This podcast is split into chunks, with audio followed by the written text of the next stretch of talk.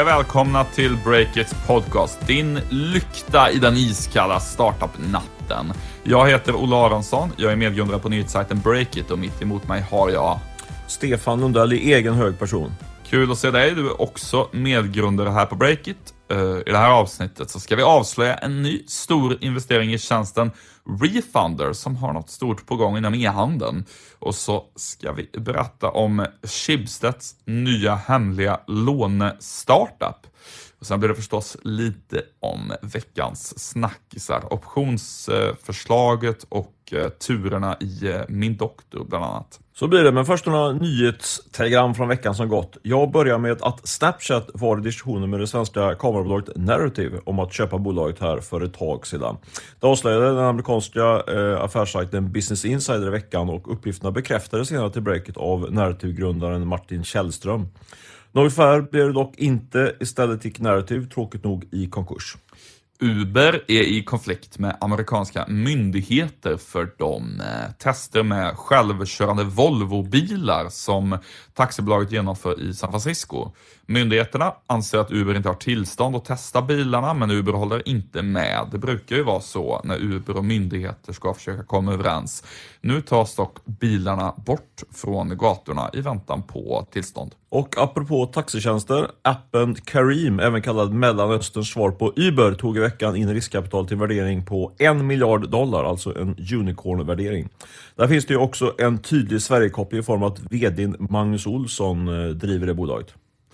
Ett helt annat ämne då. Spelbolaget King får hård kritik av fackförbundet Unionen i en artikel i Aftonbladet.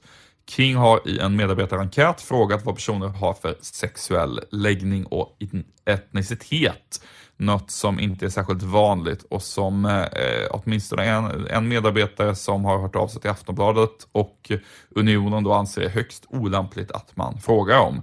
King försvarar dock den här metoden och säger att de tittar bara på anonymiserad och aggregerad data, alltså överhuvudtaget inte på individnivå. Och så har vårdtjänsten Min Doktors VD Charlotta Tönsgård oväntat fått sparken. Hon fick gå på dagen, vilket har lett till en het debatt i Startup Malmö. Mer om det senare i podden. Vi sponsras denna veckan av Miss Hosting som dessutom så här i juletider har något litet extra att bjuda alla ni som lyssnar på podden. Vad är det Miss Hosting har i säcken Olle? Jo, på temat Det snöar domäner så har Miss Hosting nu en rejäl rabatt på just domäner. För 9 spänn kan du få en domänadress eh, under eh, första året. Och domänadressen som säljs är inte några gamla .se-adresser utan lite nya fräscha adresser som .trade, .party, .science och .download bland mycket annat.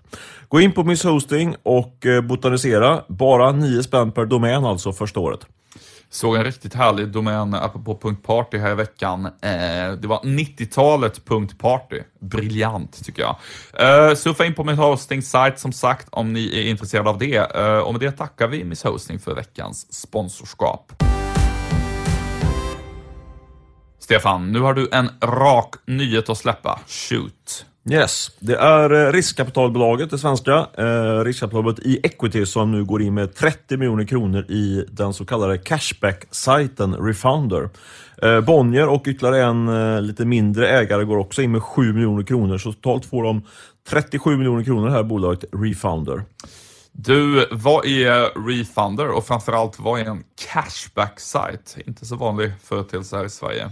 Nej, alltså om vi ska förklara cashback-sajt eh, till att börja med så är det, eh, ja, det är en ganska enkel idé. Eh, jag har faktiskt inte använt det själv men jag blev lite sugen efter att ha grävt lite vidare i detta. Eh, det går till så här att du går in på sajten Refounder och eh, där finns det ett ant, en, en rejäl hög med, med e-handlare eh, som erbjuder olika former av rabatter.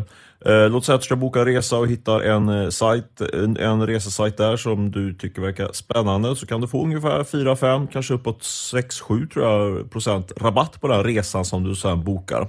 När du väl har bokat så, så skickas pengarna, eller 5-6 procent tillbaks till dig så du får en liten kickback kan man säga på, på din bokning. Just det, det är det som är cashback så att säga. Att det, Istället för att man bara drar av på priset så sätter de in pengar tillbaka på ditt konto så att säga. Ja, och det här är något som är väldigt stort i Storbritannien. Ungefär 10% av e-handeln går via sådana här cashback-sajter, alltså de genererar leads via de här cashback-sajterna. Men i Sverige så är det fortfarande en liten företeelse. Det är mindre än 1% utav eh, den totala e-handeln som genereras via Cashback-sajter.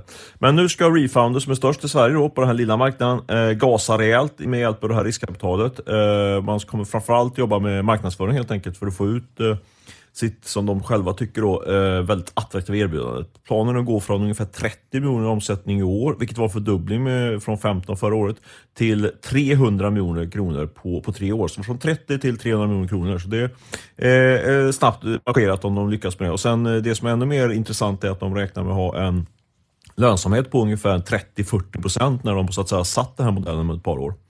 Du, det låter som att du tror på den här modellen, eller hur tänker du? Ja, man, jag blir ju nästan alltid väldigt extra när jag pratar med entreprenörer och investerare om deras senaste, eh, senaste bett, så att säga. Så det, man får väl ta med en liten nypa salt eh, det jag nu kommer och förmedla. Men, men ja, jag tror på idén. Eh, jag snack, gjorde intervju med Magnus Wiberg som är som är eh, partner och en av grundarna utav e-equity och det är han som har sålt in det här caset på mig. Eh, och eh, hans tes då, han, det som är intressant är att han har ju, han har ju en bakgrund som grundare av Pricerunner, alltså prisjämförelsesajten som är väldigt stor i Sverige. Och han menar att nu, nu det, prisjämförelsesajter är på väg att lite grann spela ut sin roll. Eh, de är ju väldigt starka i, eh, i Norden, prisjämförelsesajter, men inte alls lika starka ute i Europa. Framförallt inte Storbritannien då, som ligger längst fram som man säger, i e-handelssegmentet i utvecklingen på den cykeln. Eh, utan där är det istället cashback-sajter som, som gäller. Och varför då? då? Jo, eh, det, de här eh, prisjämförelsesajterna har gjort att priserna på nätet har jämnats ut väldigt mycket. Alltså det finns inte så jättemycket eh, stora skillnader att hitta där om man går på, på jämförelsesajterna. Och istället så är det e-handlarna som premierar lojalitet. Eh, det blir allt viktigare. Eh, och det är ju lite grann det som man spelar på med sådana här cashback-sajter. Intressant också att, eh, att titta lite grann på den här kampen då som, som nu håller på och spelas upp inför våra ögon eh, mellan Pricerunner och Refounder. Pricerunner köptes ju ganska nyligen utav Carl-Johan Persson, H&M-grundaren och Niklas Storåkers på, som tidigare var VD för Avanza. Det var en affär på över en miljard kronor, eller runt en miljard kronor. Men nu så går ju Ref, Refounder lite grann head to head mot Pricerunner, för det är ju samma kunder man slåss om. Det är ju egentligen e-handlarna som är deras kunder. Intressant också att se i Equity. De är väldigt aktiva på den nordiska marknaden. De har gjort eh, fem investeringar bara i år. Ja, verkligen. Och faktum är att de har ytterligare en investering på gång, så det kommer att bli sex investeringar i år eh, enligt mina källor. Vi får se om jag får rätt här innan året eh, stänger. Eh, E-equity ju, har ju sett upp som den största e-handelsinvesteraren på den nordiska marknaden tillsammans då med ett annat riskkapitalbolag som heter Verdane. Eh, men till skillnad från Verdane så, så har eh, e-equity inte investerat i mathandlare. Mat på nätet står ju för ungefär halva halva liksom, eh, affären kan man säga när det gäller e-handlare i Norden. Eh, så det är lite märkligt att man då kanske inte har att man inte gett sig in i det segmentet. Men jag snackade med det här med Magnus Wiberg eh, lite grann varför man inte har, varför man gjort det, det valet. Och de har ju tittat på alla de här casen som varit ute till försäljning. Lina Smartkasse och Mat.se och, och eh, Mat Hemma och allt vad de heter. Eh, men man har backat och orsaken till det är att man, man gillar inte de här stora förlusterna. Och Varför gör de då så stora förluster, de här mat, eh, mataktörerna? Jo, eh, enligt Magnus Wiberg, och den stämmer nog den analysen, så är det helt enkelt att den här plockkostnaden är alldeles för hög. Känner du till vad plockkostnaden är, Olle? Ja, jag antar att det är, i en e-handelsvärld är det väl helt enkelt eh, kostnaden för att, så att säga, ja, lagerpackningen. Ja, det är helt enkelt när du ska, om du beställt, beställer varor på hos eh, en e-handlare så kan man ju då plocka grejerna från hyllorna och eh, skicka ut dem. Eh, och det där är ett problem när det gäller mat. För om du till exempel köper en kjol eller en, eller en jacka eller något liknande så är det ju den här plockkostnaden ganska marginell. Det är kanske någon krona eller två per vara. Men eh, här handlar det om kanske 50 olika eh, varor då, till en matkasse som ska typ vara... en lök. Då är typ plockkostnaden hela priset på varan. Ja, men exakt. Det, men då, då handlar det om en normalkasse är kanske 50 grejer. Allt från mjölk till, till lök, allt vad det kan vara för något. Eh, och då blir alltså plockkostnaden väldigt hög. Så om man jämför plockkostnaden mellan Eh, Eh, på matkasse så är den ungefär uppåt 10 procent medan på andra segment, till exempel kläder, så är det kanske 1-2 procent. Och där ligger egentligen hela förlusten, eh, lite förenklat. Du skulle kunna argumentera emot det med att, så att säga, kunden måste ju annars plocka det där själv, vilket innebär att, så att säga, man sparar ju mer arbete för kunden än man sparar eh, med om man bara går in och plockar typ en kjol i en affär. Lösningen på det här är ju att man eh, bygger helautomatiserade anläggningar som eh, gör det mycket mer effektivt och, och då, då, får man ner den här plockkostnaden rejält. Idag ligger den kanske på 10 per, per, eh, per försäljning jämfört med kanske 1-2 om man säljer kläder. Men då är problemet att det kostar väldigt mycket pengar. Det finns ett exempel i Londonområdet där Ocado, som också är börsnoterat, har byggt upp anläggningar, helautomatiserade anläggningar som eh, då kostar uppåt 200 miljoner pund per enhet. Så det blir lite, ja, det, det, de pengarna ska också betalas. Så det där är, det där är ett eh, dilemma tror jag som, som eh, mathandlarna på nätet har. Och Magnus Wiberg å sin, å sin sida, han trodde att det skulle bli ett race mellan Axfood och Mathem om vem som skulle, som skulle bli eh, vinnarna i, i det här racet. Däremot trodde han att ICA kommer få väldigt stora pengar på grund av sin komplicerade ägarmodell med de väldigt starka ICA-handlare som kanske inte vill gå all in i digitaliseringen riktigt. Du, nu ska vi prata om något helt annat. Du har ju då satt upp en nyhet inom fintech, eh, eller hur? Ja, eh, det är en ny hemlighetsfull startup som har dragit igång inom Schibsted-koncernen. Det är så att det är Dennis Alsen som grundade Lendo tillsammans med Thomas Hjelm och eh, Fredrik Ljungabo.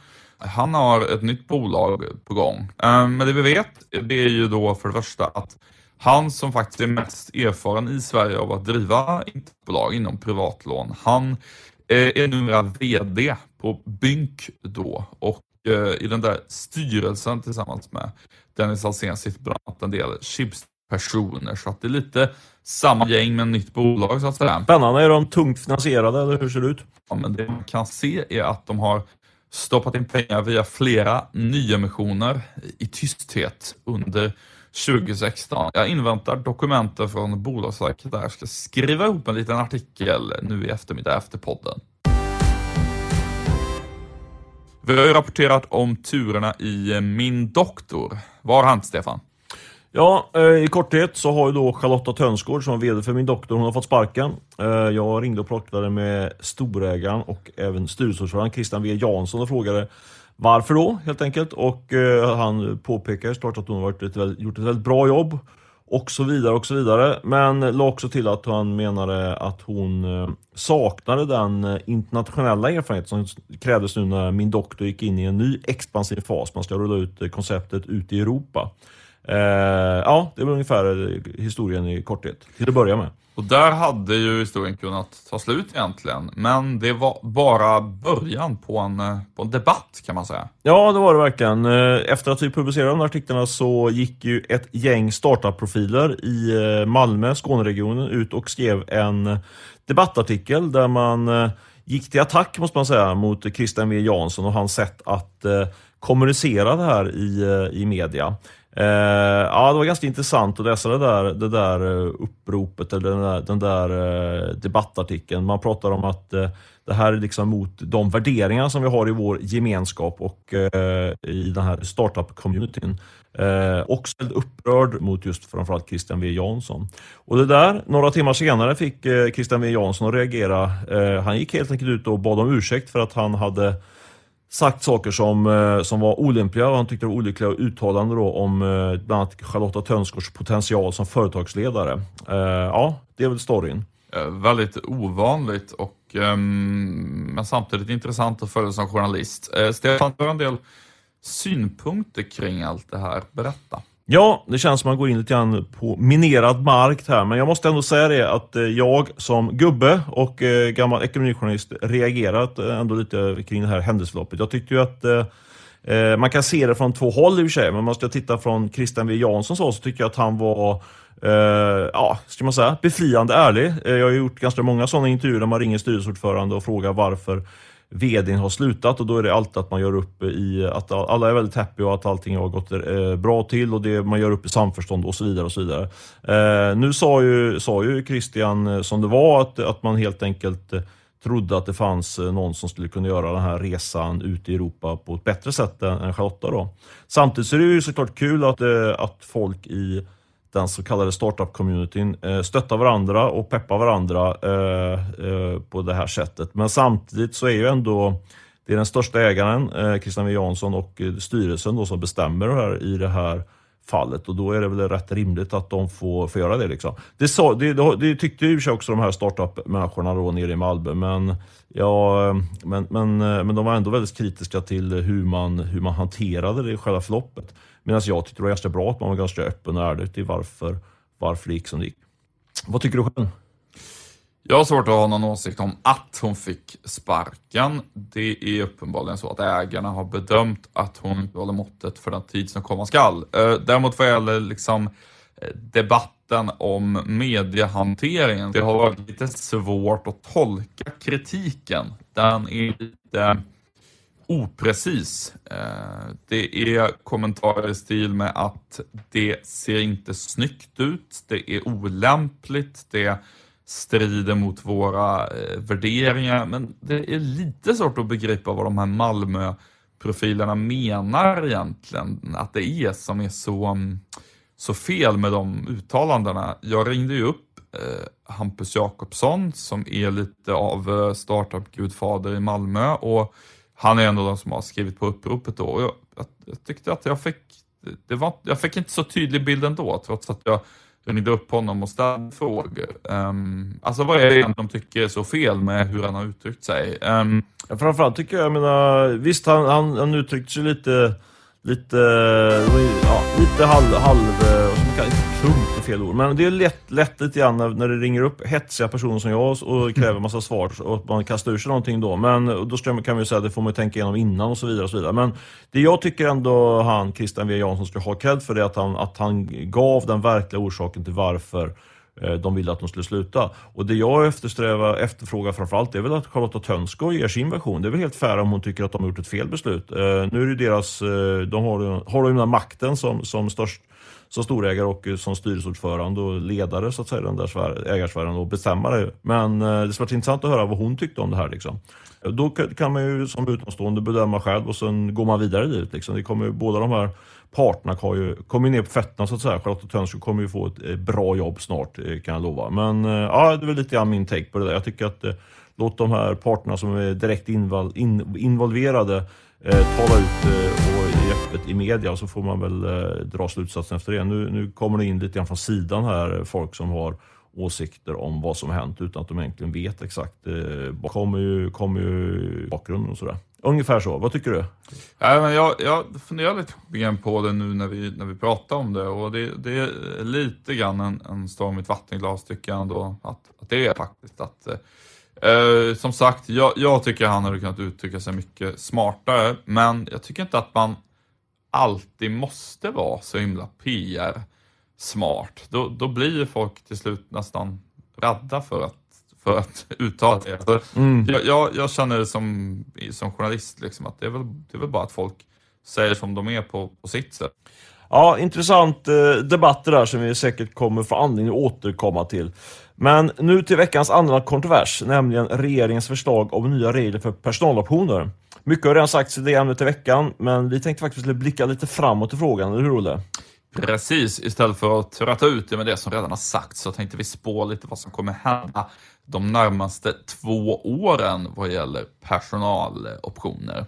Kan vi börja med, förslaget kommer ju gå igenom, det, det ligger ju i, i eh, budgeten så det ska ju till en, en oerhört om det inte går igenom. Det är väl första vi kan slå fast, eller hur? Ja, eh, och Moderaterna har ju lagt fram någon typ av separat förslag i en debattartikel som innebär att fler och större bolag skulle få använda de här optionsreglerna. Det ska nog ses som eh, ett slag i luften man gör för syns skull. Det här kommer ju, Moderaterna kommer ju liksom inte fälla regeringens budget på grund av eh, det här, åtminstone inte för nästa val. Så grundscenariot är att de här reglerna, som är att optionsreglerna gäller då bolag med färre än 50 anställda och mindre än 80 miljoner i omsättning, de blir verklighet 1 januari 2018. Yes, regeringens förslag blir verklighet. Vad händer sen? Jo, eh, jag har klurat på det där och det är ju så att 2018, eh, det är valår i Sverige. Och då spår jag att följande kommer hända. Jag kommer att tänka på det här när Lena Aple, Collectors grundare, skrev eh, en Facebook-kommentar faktiskt till vår krönikör Viggo Kavlings text om optionerna. Hon sa att 2018, då ska vi kampanja för att släppa optionerna fria. Och lite så tror jag att det kommer bli. Eh, jag tror att Spotify då kommer bilda en liten allians med andra storbolag i Sverige. Wallenberg, gängets bolag och så vidare. Det gamla klassiska näringslivet. För att kampanja för att optionerna ska utvidgas med målet att eh, de ska gälla alla företag helt enkelt. Att man ska få använda de här mer gynnsamma reglerna. Eh, och då blir det helt enkelt inte längre en startup-fråga utan en näringslivsfråga överlag kan man säga. Det ska bli väldigt intressant att handla och se vad som händer då egentligen. För hittills har det ju här varit någonting som har varit eh, det anses väldigt sympatiskt. Det handlar om väldigt små, innovativa, kämpande företag där man vill dela med sig av ägande till anställda. Men 2018 tror jag att det här blir mer av en storföretagarfråga. Jag tänker mig att det kan vara lite tuffare i Sverige att bygga opinion kring det när det liksom inte är de här små startup-företagen som man, eh, som man kämpar för. Vad tror du Stefan? Så kan det säkert bli eh, och det leder mig osökt in till eh, vår stora satsning på politikerveckan i Almedalen. Där kommer det säkert diskuteras en hel del om detta. Kanske lite andra frågor också, men digitalisering har ju legat högt upp på dagordningen där i Almedalen. Och eh, vi ska ju eh, göra en större satsning kring, eh, kring Almedalen är det tänkt. Vi har bokat en gigantisk trädgård i närheten av Donnersplats. plats. eller en mysig, intim trädgård kanske man kan säga, det är bättre inställning. Eh, för det som jag nu kommer till. För vi söker nämligen kommersiella partners till, eh, till eh, vårt projekt i Almedalen. Hör av er till vår eh, vassa affärsutvecklingschef Camilla Björkman på camilla.breakit.se camilla.breakit.se så är jag övertygad om att vi kommer få till något riktigt spännande där i Almedalen. Underbart med lite egen reklam. Maila camilla.breakit.se om ni har någon idé. Yes, och därmed börjar det väl bli eh, dags att runda av eh, den här podden. Eh, vi ska tacka Beppo ljudproduktion som spelar in det här på länk idag från Aspudden. Tack också för att de kommer att klippa det här nu under eftermiddagen slash kvällen idag. Annars så ska vi väl önska lyssnarna god jul, eller vad säger du Stefan? Ja, det tycker jag verkligen. Ha en riktigt god jul där ute i stugorna. Så hörs vi i mellandagarna med ytterligare en ny podd. Ha det bra! Hej!